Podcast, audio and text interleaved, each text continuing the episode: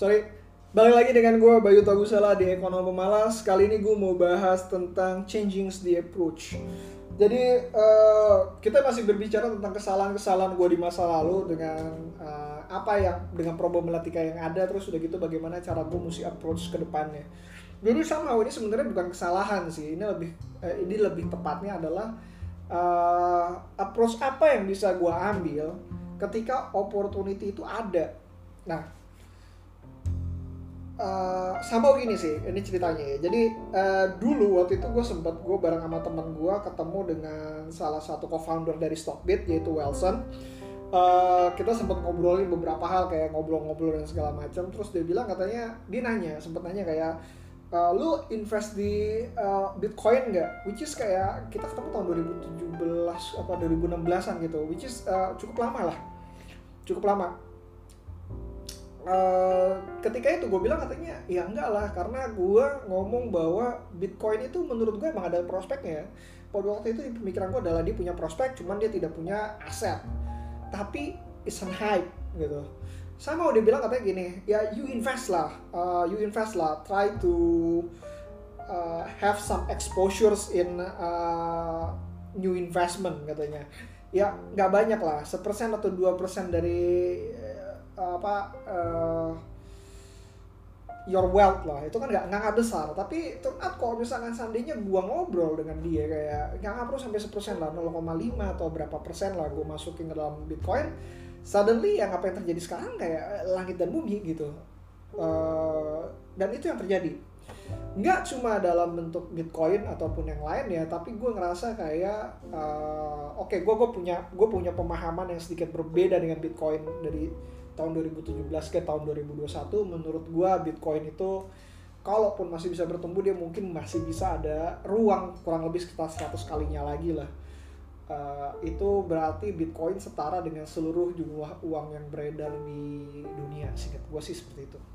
Sama like that ya intinya kalau misalkan dia bertumbuh kalau misalkan lebih dari itu artinya dia mengalahkan jumlah uang beredar. Uh, hmm, gue nggak tahu sih dengan skenario apa dia bisa seperti itulah istilahnya gitu. Tapi masih ada ruang kalau kalian mau cuman gue enggak.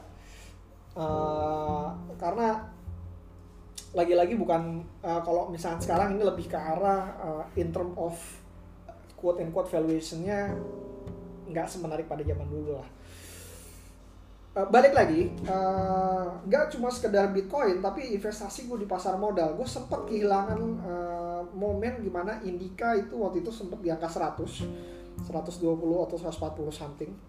Uh, kedua oke okay, kita nggak bicarain Indika tapi karena Indika salah Indika itu sebenarnya salah ini sih lebih tepatnya gue salah analisa gue salah analisa. Gue memasukkan faktor yang namanya uh, investasinya dia which is pada saat itu tuh kurang lebih kayak uh, YTM-nya tuh kayak kurang lebih a billion dollar dan dia punya cash lumayan besar sekitar 4 billion dollar. Jadi kayak kalau misalkan dalam 4 tahun ya duit kasnya habis. Kalau misalkan ini gue beranggapan bahwa investasi itu sama dengan cash flow from operations. Itu yang menyebabkan gue salah salah hitung. Seharusnya kalau bisa investasi kan ya ya sudah berhenti aja gitu kan. Dia kan bisa menghentikan investasinya. Udah nggak usah jalan kayak operasinya aja jalan terus gitu. Dia bisa melakukan itu. Dan karena kesalahan investasi apa kesalahan hitungan tersebut akhirnya gue tidak investasi di uh, Indika tapi gue investasi di Petrosi waktu itu di harga 300an momen berikutnya adalah uh, Petrosi bukan berarti gue bilang kayak momennya adalah jelek ya. Itu bagus uh, menarik. Besar is huge and humongous gitu. Uh, gue dapat kurang lebih sekitar 3 sampai hampir hampir 4 kali dari investasi gue gitu kan uh, berikutnya lagi apa? Gue kehilangan investasi gue di Harum Energi. Harum Energi BJBR BJTM which is kalau misalnya dihitung gue bisa dapat tiga kali dari BJBR uh, dua kali dari BJTM dan uh, BJBR BJTM dan tiga kali dari uh, Harum. Tiga kali dari Harum. Kalau misalkan gue dengan dengan dengan dengan yang ada gitu.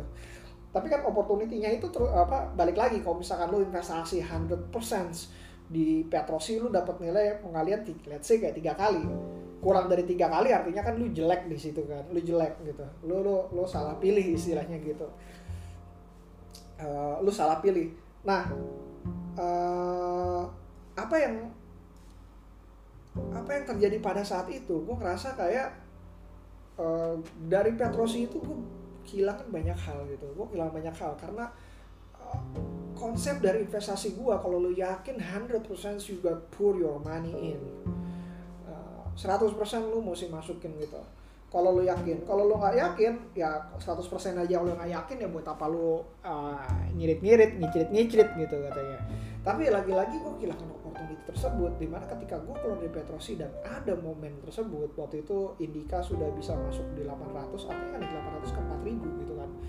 Gue kayak cuma beli di 900an kayaknya 900 Indika gue keluar di 1100 karena gue beranggapan bahwa ada satu momen kayak oh ya udahlah gue udah udah selesai dengan itu. Uh, uh, forget about Indica tapi yang harum dan segala macam dan uh, BJBR BJBR waktu itu di angka 800 itu bisa naik ke uh, berapa ya kemarin tuh sekitar tiga ribuan gitu. Dan gue nggak yakin dengan itu. Itu bodoh banget. Gue 800 kayaknya gue keluar di berapa sih 200 gitu. Gue terlalu cepat ngomongnya. Gue terlalu cepat untuk keluar di situ.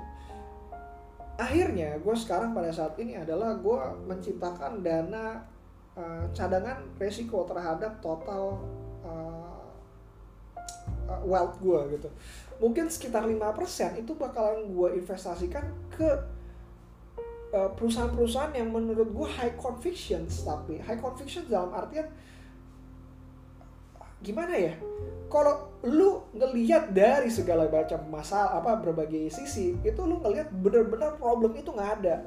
Tapi karena masa lalu dari perusahaan tersebut uh, contoh lah uh, gajah tunggal yang yang, ke, yang pemilik lamanya itu akhirnya masuk penjara apa masuk penjara lagi apa dipanggil.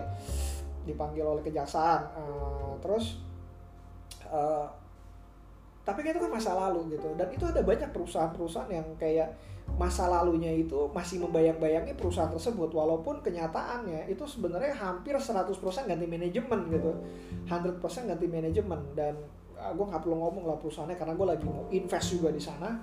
Gue bakalan masukin mungkin nggak nggak banyak dari dari eh, total AUM gue maybe maybe apa lima persenan lah mungkin sekitar lima persenan masuk ke sana dan uh, ya sudah gitu. Kalau gagal-gagal hilang-hilang uh, toh kalaupun hilang pun kayak let's say kayak hilang 50% kan itu cuma dua setengah persennya aja gitu. Uh, akan afford that akan afford to, uh, afford that. Tapi kalau misalkan berhasil uh, ya satu banding empat lah satu banding empat satu banding lima lah. Kayak resikonya kalau misalnya kehilangan 0,5 gue bisa naik eh 50% ya gue bisa naik dua setengah kali lipatnya. Ini kayak uh, uneven risk lah uneven risk and reward. Dan gue ngerasa kalau misalkan dengan dengan cara ini mungkin mungkin uh, opportunity yang sebelum sebelumnya uh, bisa bisa gue capture gitu.